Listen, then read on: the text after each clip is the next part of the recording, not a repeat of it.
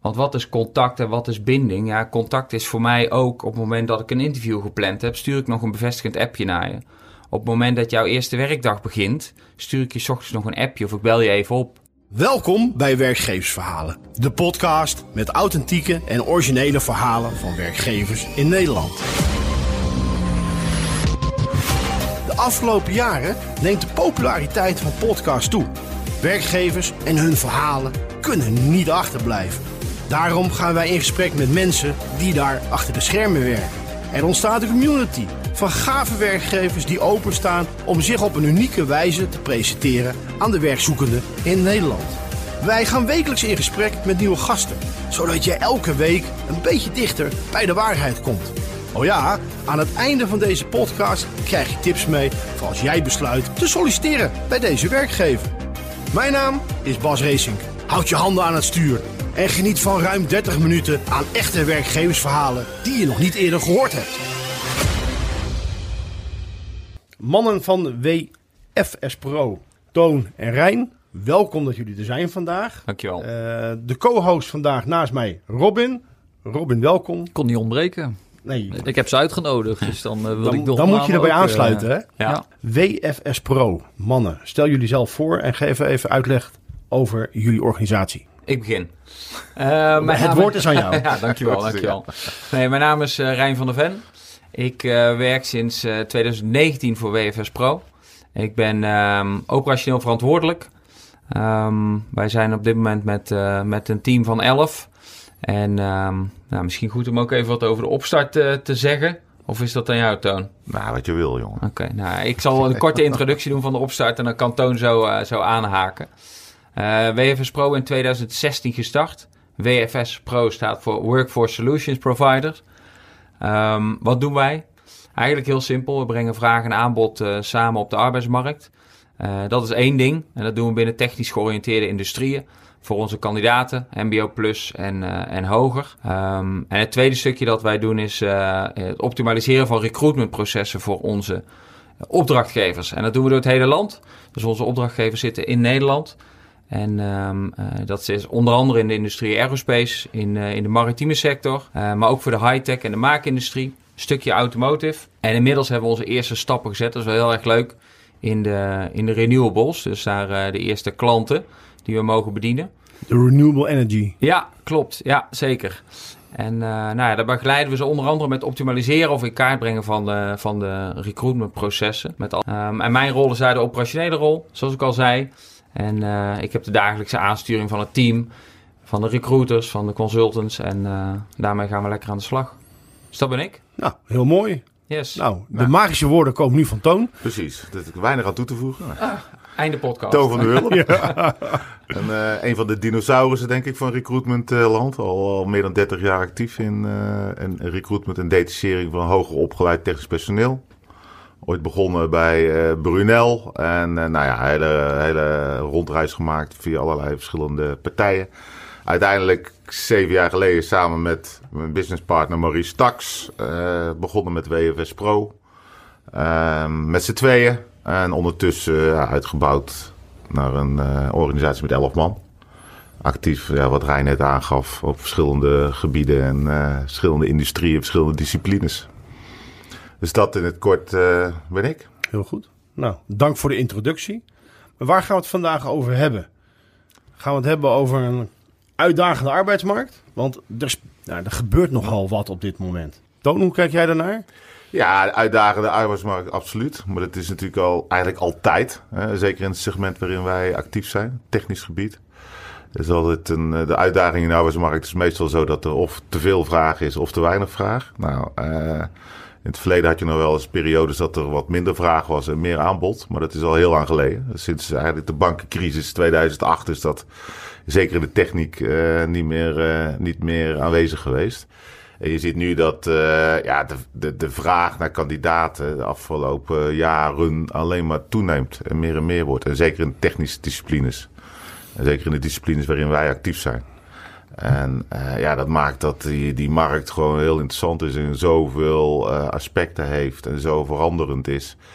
ja, dat het gewoon een hele uitdagende en dynamische wereld is waar je actief bent. En waarin het voor ons eigenlijk constant zoektocht is van hoe komen we in contact met de juiste doelgroepen, eh, kandidaten voor onze opdrachtgevers. En nou ja, daar zijn we eigenlijk de hele dag mee bezig. Hoe, hoe maak je dat onderscheid, Rijn? Hoe maken jullie als- WFS Pro het onderscheid om die kandidaat wel te, eh, te pakken te krijgen? Want inderdaad, er zijn veel concurrenten, veel hoger, hoger Ja. technische gedetacheerden, Ja. veel concurrenten. Dus hoe doe je dat dan?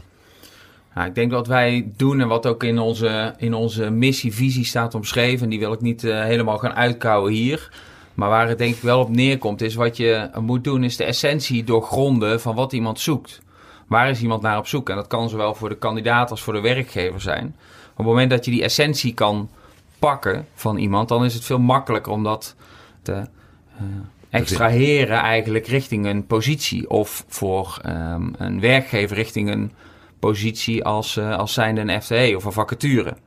En, eh, en ik denk dat wij, dat wij daar dagelijks heel erg mee bezig zijn om de essentie van die vraag te, te kunnen tackelen. En, eh, en het tweede wat we doen is eh, dat we heel sterk zijn in het identificeren van waar onze doelgroep zit.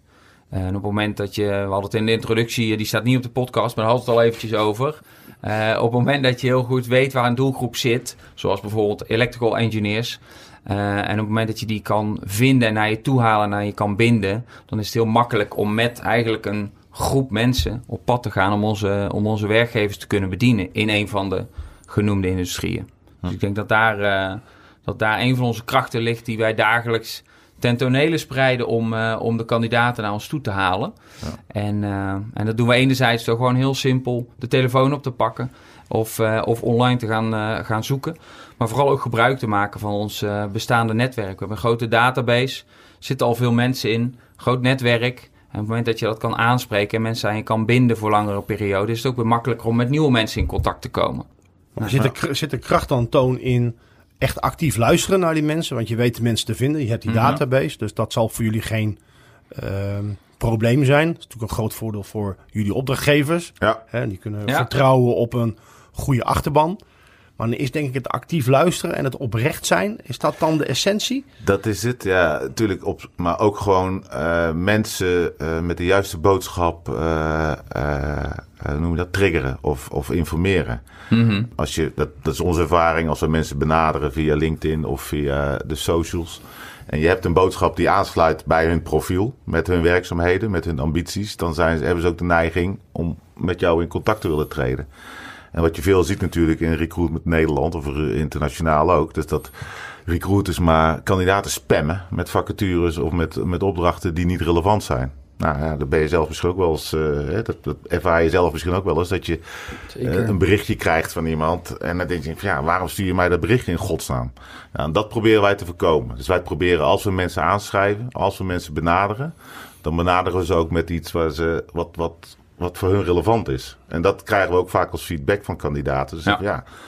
eh, jullie benaderen ons, tenminste mij, met een, met een opdracht of met een job die past bij eh, mijn ambitie, Ja. en mijn ervaring en mijn achtergrond en mijn vakgebied. En dat maakt het verschil. En we gaan niet zomaar zeggen, nou, we gaan duizend man met een bepaald profiel eh, mailen. Nee, we gaan maken een voorselectie, we gaan er goed doorheen en we gaan mensen, alleen die mensen aanschrijven waar we het gevoel hebben dat het ook een passende boodschap is die je stuurt. En als je dat maar blijft doen, dan gaan mensen ook herkennen van... hé, hey, er komt een berichtje van WFS Pro. Laat ik eens even kijken. Nou, dat is het. Zo willen wij met die, met die kandidaten doelgroep ook in contact komen en blijven. Dat ze constant het gevoel hebben van... er komt een bericht door. Het is de moeite waard om er naar te kijken. In plaats van out of the blue eh, berichten sturen. En dat denk ik, ja, daar heb je dus technische kennis voor nodig. Je moet weten waar je over praat. Over de disciplines, maar ook over de industrieën waar je actief bent. Ja, dat leer je alleen maar. Dat is ook een ervaringsvak. Nou, ik zeg al, ik loop al 100 jaar in, eh, in, in deze wereld rond. Eh Maries ook, ondertussen ook al, al, al 20 jaar of 25 jaar. Nou, en dus hoe meer ervaring je hebt en hoe meer kennis en kunde je hebt van die wereld en hoe dat werkt, en ook van die industrieën, ja, des te beter je de boodschap kan lanceren richting je, richting je doelgroepen. Ja. Maar je hebt het over in contact blijven ook. Ja, Eh Rijn, hoe, hoe, wat moet ik me daarbij voorstellen in het contact daarna? Want er, ergens in dat plaatsingsproces kom je bij elkaar. eh, maar dan begint het spel ook daarna. Ja, nou, dan heb je het echt over de candidate journey. En dat is dan bij ons in een, in een voorstadium, want uiteindelijk gaan ze vaak bij de, uh, bij de opdrachtgever van ons aan de slag. Maar het kan ook zijn dat ze vanuit ons aan de slag gaan omdat ze gedetacheerd worden. En dat proces is eigenlijk altijd aan de gang. Want wat is contact en wat is binding? Ja, contact is voor mij ook op het moment dat ik een interview gepland heb, stuur ik nog een bevestigend appje naar je. Op het moment dat jouw eerste werkdag begint, stuur ik je s ochtends nog een appje of ik bel je even op. Of ik bel je om vijf, zes uur op van hey, hoe was je eerste dag? Wat heb je ervaren? Hoe is het gegaan? En dan kan het zijn vanuit een plaatsing dat uiteindelijk de medewerker zegt, nou het contact loopt nu af omdat ik uh, uiteindelijk gewoon bij de opdrachtgever in dienst ben. Maar op het moment dat iemand via ons werkt in de, in de gedetacheerde vorm of vanuit ZZP of projectbasis, dan is het contact intensiever. En die candidate journey houdt niet, ja, die begint vooraan bij het benaderen van een kandidaat, wat Toon net uitlegde. Maar die gaat eigenlijk je, nou, je leven lang wil ik niet zeggen, maar bijna wel je leven lang door. Ja. Want we hebben kandidaten die al 10, 15 jaar bij Toon en Maurice dan uh, uh, wederkerig terugkomen. En dat is denk ik ook de kracht van WFS Pro. En ik ben er dan zelf nu vijf jaar of vier jaar een onderdeel van. Dat vind ik heel mooi om te zien. Dat er mannen en dames terugkomen die al, al tig jaar met hun in contact staan. En bellen van, hé, hey, ik ben toch weer eens op zoek. Laten we in ieder geval eens even sparren over wat ik nu gedaan heb, waar ik heen wil. Kunnen jullie me ergens mee helpen? En soms kan dat een goed gesprek zijn en een kop koffie. En dat leidt tot, nou ja, dat was het. Of zeggen, hé, hey, maar we hebben weer iets leuks voor je. Kom eens even kijken. Nou, dat is een candidate journey uh, optima forma. Ja. Ik denk dat dat ook de kracht is van, uh, van ons. Dat we daarin uh, in contact blijven. En dat kan in hele kleine dingen zitten. En dat blijf ik ook met mijn collega's continu bespreken. Van elk contact is daarin waardevol. En het, het zit in een stukje, nou we hebben het nu over podcasting, maar het kan ook in een stukje video zitten. Dat wil je persoonlijk maken. Maar uiteindelijk het meest persoonlijke ja. is gewoon dat ik jou opbel. Of dat ik met jou ga lunchen. En dat we het erover hebben. Nou, dan ga je weer stappen verder. Ja, dus wij weten nu wat een kandidaat te wachten staat op het moment dat zij in contact komen met uh, WFS. Nou, hoop ik. Uh, ja, nou, dat, dat, mag, dat mag wel duidelijk zijn, denk ik nu. Hè? um, maar de andere kant, de kandidaat is één, ja. uh, maar de werkgever is, uh, is de andere kant. Ja. Jullie opdrachtgevers. Ja. Wat staat die werkgever de komende tientallen jaren te, te wachten? Want we weten allemaal, denk ik wel één ding zeker, dat landschap gaat wel veranderen. Ja. Ja, ja, absoluut. Kijk, het, het, ja, dat, dat is natuurlijk constant. Dat is al aan het veranderen. En die verandering blijft gewoon doorgaan. En uh, ik denk dat het voor werkgevers steeds moeilijker gaat worden om, uh, uh, kijkend naar, de, naar de, de arbeidsmarkt zoals die zich ontwikkelt, om in contact te komen met de juiste mensen. En hoe ga je het de godsnaam aan elkaar knopen allemaal? En ja, dat, dat, dat zie je al gebeuren. Uh, je ziet gewoon al gebeuren dat productiebedrijven moeite hebben om aan productiepersoneel te komen. Waar gaat dat eindigen, weet je wel? Ja, ik heb geen idee. Maar ik denk dat het uh, in, op, in, in, in, in hoop technische industrieën natuurlijk een stuk automatisering ziet. Dat, dat bedrijven gedwongen worden om een stuk automatisering, procesautomatisering door te voeren. Om de productie maar op, op, op niveau te houden. Maar in de tussen, daar praat iedereen over. Heel veel bedrijven hebben het erover. Maar er zijn er maar weinig die er ook echt daadwerkelijk mee aan de gang gaan. En in de tussentijd heb je gewoon productiecapaciteit nodig. En wij hebben een aantal grote klanten en die hebben niet alleen moeite om op het hogere opgeleide, op het hogere niveau mensen binnen te halen, maar ook op die productievloer. En ja, dat, dat, dat, dat neemt alleen maar toe. En uh, ja, nou ja, en dan in, een politiek landschap in Nederland waarin uh, migratie een, een, een, uh, een, een, politiek onderwerp is wat hoog op de agenda staat. Waar een hoop partijen zeggen van nou moeten we dat dus niet terug gaan brengen. denk ik dat dat gewoon helemaal de doodsteek is als je dat gaat doen. Dus in onze optiek moet je juist die poorten zo wijd mogelijk openzetten. En laat die mensen alsjeblieft komen. En maak het zo makkelijk mogelijk om te komen. Want we hebben het gewoon nodig om producerend Nederland uh, uh, aan de rol te houden. Nou, dan zie je de grote partijen, hè, de grote corporates, zoals wij bij ons in de markt, uh, bijvoorbeeld ASML, partij, ja, die hebben dat redelijk onder controle. Die gaan met een groot sleepnet over die arbeidsmarkt heen. En die vangen die vissen er wel uit. Maar wel de toeleveranciers van ASML, alle grotere MKB-bedrijven die allemaal in de regio Eindhoven actief zijn, ja, die hebben geen idee hoe zij met hun doelgroep uh, in contact moeten komen. Überhaupt, uh, om, zijn er nog mensen? Waar halen we ze vandaan? En die helpen wij dus mee om ook uh, wel juist in die, in die contacten te krijgen met die, met die doelgroepen, om dat voor elkaar te krijgen. Maar je ziet dus dat die markt alleen maar moeilijker en moeilijker wordt. De grote partijen die gaan met nog meer energie uh, over, die, uh, over die, die, die visvelden heen, zeg maar. Ja, en voor MKB Nederland, hè, alles wat eronder hangt, ja, zoek het maar uit. En, veel succes. Ga het zelf niet meer redden. Je ziet bij die bedrijven dat ze vaak hè, een klassieke, een klassieke HR-afdeling hebben. Nou, en die moeten dan ook maar een stukje recruitment doen. Daar zijn ze niet voor geëquipeerd, zijn ze niet voor opgeleid, hebben ze weinig, weinig feeling mee. En die HR-afdelingen, die hebben handen vol om de mensen die ze hebben ook gewoon binnen huis te houden. En de mensen die aan boord zijn van hun bedrijf door te ontwikkelen naar een volgende niveau. En die kunnen niet tussentijd ook nog eventjes uh, 20 man werven. Nou, en daarbij een compleet beeld van een arbeidsmarkt hebben die heel competitief is. Dus het is eigenlijk kansloos. Dus die bedrijven die moeten gewoon heel snel uh, zich daarin ook dat, dat besef hebben. Dat zie je wel steeds meer, dat ze het besef gaan krijgen. Om stappen te gaan zetten op die arbeidsmarkt. En dan praat je over employer branding. Hoe zien bedrijven ons? Of hoe zien kandidaten ons? Wat, waarom moeten kandidaten bij ons komen werken? Ja, dat soort boodschappen. En als ze dat niet goed definiëren voor zichzelf, ja, dan wordt het steeds moeilijker. Er zijn al recruitmentbureaus in Nederland. Nou, wij, wij horen daar niet bij. Die gewoon, voordat ze een, een opdracht aannemen van een opdrachtgever, gaan kijken van ja, hoe, hoe, hoe zit het met jullie naastbekendheid? Voldoet dat niet aan de norm? Dan zeggen ze, ja, hoezo moeten wij voor jullie gaan zoeken? Dat is gewoon kansloos. Omdat je dan als werkgever niet sexy genoeg bent Precies. of niet aantrekkelijk genoeg bent. Bij de employer branding hebben ze dan niet. Dus ga de employer branding eerst maar eens op orde brengen. En als je dat op orde hebt, kom het terug en dan gaan wij voor jou de juiste mensen zoeken. Ja. Nou, zo zijn wij niet. Wij helpen die bedrijven dan, onze klanten, om dat voor elkaar te krijgen. Maar er zijn gewoon partijen die zoiets hebben van ja, een waste of time. Nee, maar die gaan de boot missen dan. Ja, maar ja, bij die opdrachtgevers, en je ziet dat dat, dat steeds meer nu uh, uh, doordringt. Hè? Dat ze toch wel zoiets hebben van ja, we moeten daar wat mee. Maar dan is het de vraag, ja, wat dan? En hoe dan? En wie gaat het dan doen? En ja, dus dat is de grote verandering die de komende jaren plaats gaat vinden. Hoe gaan die bedrijven zich duidelijker en helderder positioneren op die arbeidsmarkt om überhaupt in contact te komen met die mensen die ze nodig hebben, nationaal en internationaal. En vervolgens hebben ze ook nog de uitdaging om het stukje binding te creëren. Dus wat doe je eraan om je retentie zo hoog mogelijk te houden? Want nu is vijf jaar al lang. Over, uh, over tien jaar is drie jaar misschien al lang dat iemand voor je werkt. Maar hoe ga je nou in die drie jaar ervoor zorgen dat iemand als ambassadeur bij jou de deur uitloopt? Ja.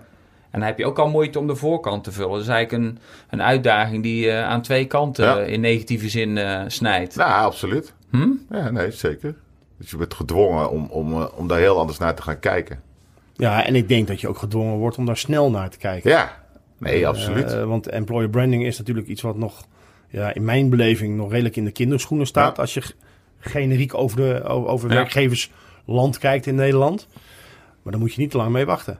Nee, en een goede employer branding kost ook tijd. Als jij je merk in de markt wil zetten, dat gaat niet over één nacht ijs. Daar zit een repeterend karakter van misschien wel jaren in. Nou, en in al die jaren loopt jouw business, we hebben het net echt over productie- en maakbedrijven, loopt jouw business gewoon door. Dus jij kan het je niet veroorloven om nu te beginnen en daarop te gaan zitten wachten. Absoluut genoeg te dus, doen. Uh...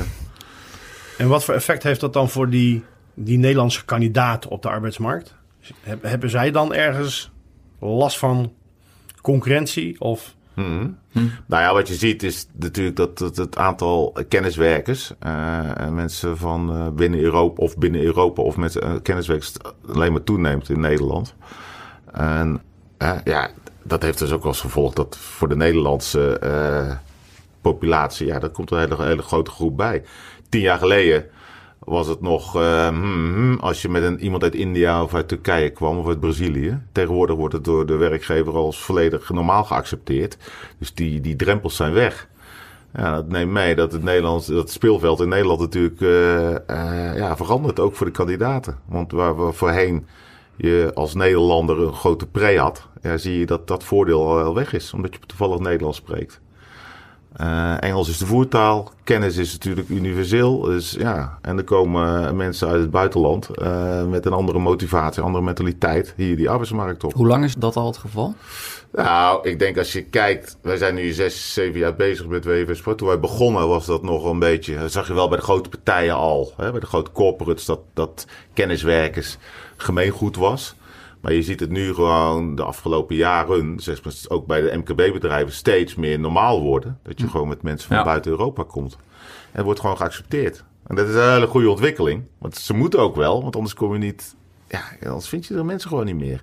En voor de Nederlanders zie je dat dat, ja, er komt gewoon meer concurrentie. Extra competitie. Extra competitie. ja. Dus je moet je daar ook als Nederlander, eh, of als Nederlandse medewerkkandidaat, ja, ook, ook bewust van zijn. Dat jij niet, hè, dat er ook iemand uit Turkije of uit India of uit Brazilië of weet ik veel wat komt. Die dezelfde skills heeft, dezelfde vaardigheden, maar wel een heel andere insteek hier komt. En Maar moet je- in Nederland. Moet je je daar dan bewust van zijn of gaat het verder dan dat? En dat je eigenlijk bijna al voorbereid moet zijn om die Ja. concurrentiestrijd aan te gaan. Nou ja, ik denk het wel. Ja, hoe hoe moet ik dat zien, Rijn? Wat, wat, wat, zou je dan, wat zou je dan aan kandidaten adviseren dan in dit geval? Nou, wat ik denk dat belangrijk is, is dat, dat je begrip hebt van waar, eh, waar de mensen, eh, mensen die Toon het beschrijft. En dan noemen we een paar voorbeelden: Turkije, Brazilië. Ehm, neem het voorbeeld Brazilië. Daar komen mensen vandaan die hebben een bepaalde achtergrond en die bepaalde dingen meegemaakt. En de attitude, en dan heb je het dus over vaardigheden en niet zozeer over een skillset die een aantal bullet points opvult. Maar de attitude en de vaardigheden die zij meebrengen om te slagen in hun job, die eh, spreken heel erg in hun voordeel. Ja. Kijk, wat je, jij zei het zelf, de, de, de kennis is universeel, die hebben ze allemaal. Maar wat maakt jou anders in het, eh, in het sollicitatiegesprek? Wat maakt dat jij, even los van je Nederlandse taal, eh, een added value bent voor een, eh, voor een company? En dat zit veel meer in een stukje vaardigheden. En op het moment dat jij als een Braziliaanse medewerker, even in dit voorbeeld genomen, uit, eh gechargeerd genomen uit de favela's komt van Rio. En je komt hier met je, met je koffertje aan en je hebt net een kleintje gekregen. En je vrouw wil overkomen. Ja, dan good luck om die te verslaan. Want die zitten er met alles wat ze hebben, zitten ze erin om die job te bemachtigen. En om hier te groeien en te ontwikkelen. En die zullen er alles aan doen. En dat zit in uren, maar er zit ook in attitude om te slagen. Nou, ga daar maar de competitie mee aan. En stel je daarvoor open als Nederlandse kandidaat dan, omarm het en kijk wat je ervan kan leren. In plaats van je tegen af te zetten. En eh, nou, may the best man or women eh, eh, win, zou ik zeggen. En dan, heb je, dan brengt de werkgever iets, maar het brengt jezelf uiteindelijk ook iets, denk Ja. ik, in je, in je persoonlijke ontwikkeling. Ik kan me dat voorstellen dat je dat... Ik zit bijna een soort met, met flappende oren te luisteren. Want ik had heel eerlijk gezegd... Niet ingestudeerd over. Nou, nee, niet, zo, nee, niet ingestudeerd. Maar ik, zit ook al, ik werk ook al heel lang, net zoals jullie, in de, in de recruitment. Dan ben ik geen dinosaurus eh zoals Toon. Nee, ik ook niet hoor. Maar... eh, ik ben een eh, kleine dino. Ja, ja, ja, ja, precies. Ik voel me soort van, misschien in lengte ben ik dan wel T-Rex Ja. eh, in deze. maar goed, eh, maar ik had eerlijk gezegd nooit naar, door die bril gekeken. Dat, dat, dat, dat staat te gebeuren. Ja. En dat is best nog wel een verandering. Ja, zeker. En dan heb je ook nog, en daar hebben we het ook wel eens over gehad. eh, Toon laat vaak een sheetje zien van eh, hoe de ehm, beroepsbevolking eh, zich in Nederland ontwikkelt. Ja. Die neemt ook alleen maar af in, eh, in de komende jaren. En eh, dan had jij het al over 2050. Dus het zal alleen maar nijpender en schaarster worden. En, en die hele dynamiek in die wereld van de arbeidsmarkt, die zal, eh, zal blijven veranderen. En eh, nou, ja, dan kun je er beter in meegaan dan dat je er of tegen verzet of dat je het laat gebeuren. Ja. En dat denk ik dat je als kandidaat bewust van moet zijn. Op het moment dat je daar bewust van bent, dus je herkent het en je erkent het, ja, dan kun je er ook acties op ondernemen. En dan kun je het ook in je voordeel gebruiken en leer van elkaar. Zoek de culturele verschillen en, of, en overlappen op. Ja. En eh, go for it, zou ik zeggen. Nou zijn jullie natuurlijk de sollicitatie-experts. Eh, als een kandidaat bij, eh, bij jullie aan tafel komt, aan jullie bureau zit, Mhm. eh, welke tips wil je ze meegeven, Toon? Als ze bij ons komen eh, eh, solliciteren of eh, Ja, voor een job komen- komen, voor Ja. een interview. Ja, Ja, nou, dat je, dat je eh, ja, in de regel als, ze- als ze komen, dan, dan zijn ze natuurlijk al gemotiveerd. Maar lees je goed in. Weet wat klanten, hè, opdrachtgevers, wat ze doen. Eh, ben, ben geïnteresseerd in de, eh, of, of ja, toon je interesse in, de, in het vakgebied waarin je actief bent. Ja, hoe doe je dat? Ja, dat, dat, doe je natuurlijk automatisch al. Maar vooral een stukje eh, toegevoegde waarde is dat je interesse hebt in die opdrachtgever. En niet gaat zitten van, nou, zeg het maar. En dan ga ik wel even bepalen of ik wel of niet bij jou kon werken. Beste opdrachtgever. nee, want jullie Eh, moeten moet- natuurlijk daar veel effort voor doen. Precies. En dat maar is het- samenwerken. dat, kijk, en als die houding er is, ook richting klanten, ja, dan is het al, dan, ja, dan denk ik van nou prima. Dan wordt het al een moeilijke, moeilijk, moeilijk verhaal. In de regel, de mensen die via ons op gesprek gaan bij opdrachtgevers, bij klanten, die, die zijn goed gemotiveerd. We hebben ze goed gebriefd. We, we geven ze de juiste informatie mee, zodat ze een goede, een goede presentatie bij zo'n klant kunnen, kunnen geven en ook bij ons. En daar gaat het vooral. Voorbereiding, inleven. eh, voor jezelf goed bepalen wat Ja. je toegevoegde waarde is. Op kennisgebied, maar ook op persoonlijk gebied. Hè? Want tegenwoordig praten we over competenties en over dat soort zaken. Dat is natuurlijk veel belangrijker dan die technische kennis. Dat je open staat voor eh, ontwikkeling, voor zelfontwikkeling. Dat is natuurlijk ook iets, je moet blijven leren. Nou, wat dan? Maakt niet uit. Maar als je maar eh, er open voor staat en nou wat mee doet. En niet van de gearriveerde persoon die zegt, nou, dit is mijn eh, verhaal, eh, doe het allemaal mee en eh, dan kom ik wel hier werken. Bij arrogantie, bij WFS geen ruimte voor arrogantie. Nee, nee, absoluut niet. Nee. Gewoon transparant en openstaan om jezelf te ontwikkelen. Het maakt niet uit welke rol, of je nou start of al 30 jaar ervaring hebt. Je zal mee moeten ontwikkelen. En ondersteunen jullie kandidaten daarbij in dat proces? Ja. Nou ja, om, ook met een stukje bewustwording. We hebben natuurlijk ook een soort eh, competentietest hè, die we dan afnemen. Nou, dat is dan, eh, ik zeg altijd iets meer dan een Viva-test, maar ook niet een heel assessment. Maar het geeft wel een heel duidelijk beeld wat je, wat je creëert van, nou oké, waar liggen nou je, je competenties? Waar ben je nou goed in en waar ben je wat minder goed in? En hoe kan je die mindere dingen wat beter eh, ontwikkelen? Hoe kan je Ja. daarmee omgaan? Et cetera, et cetera. Ja, daar proberen we ze wel mee eh, te triggeren. En dat past ook wel bij ons, hè? dat we Ja. wel kritisch durven te zijn naar de kandidaat en ook naar de opdrachtgever. Absoluut. Om af en toe een spiegel voor te houden. En op het moment dat je dat kan, dan. En het gesprek, kijk, het gesprek Ja. voeren met een kandidaat, een interview met een kandidaat is, is, is ja, niet altijd, maar vaak ook een beetje van, nou ja, oké, eh, waar sta je dan? En wat wil je dan? En waar liggen dan je ambities? En hoe ga je dat dan bereiken? Ja, en als je, zoals ik, een dinosaurus bent, dan heb je al heel veel verhalen gehoord. Dus dan kan je mensen ook nog wel eens een keer een, een, een duwtje de goede, de goede kant op geven. Of eventjes die ogen openen van, nou ja, als je dat wil, prima. Maar dan zou je daar en daar misschien ook iets mee moeten. Of dan heb je daar al aan gedacht. Of is dat een rol die bij past? Of whatever. Dus je moet veel meer het gesprek aangaan. En veel meer kijken van wat wil je, wat kan je en hoe gaan we daar komen. Ik hoop dat je met veel plezier hebt geluisterd naar deze aflevering van Werkgeversverhalen. Kijk voor interessante functies op de website van deze werkgever of op boink.com. Weet jij nog een leuke werkgever die zijn of haar verhaal wil vertellen? Stuur dan een mail naar redactie.boink.com. Ik ga afscheid van je nemen. Vergeet deze aflevering niet te delen via WhatsApp, LinkedIn of een ander social media kanaal. En wij treffen elkaar weer in de volgende aflevering van Werkgeversverhalen.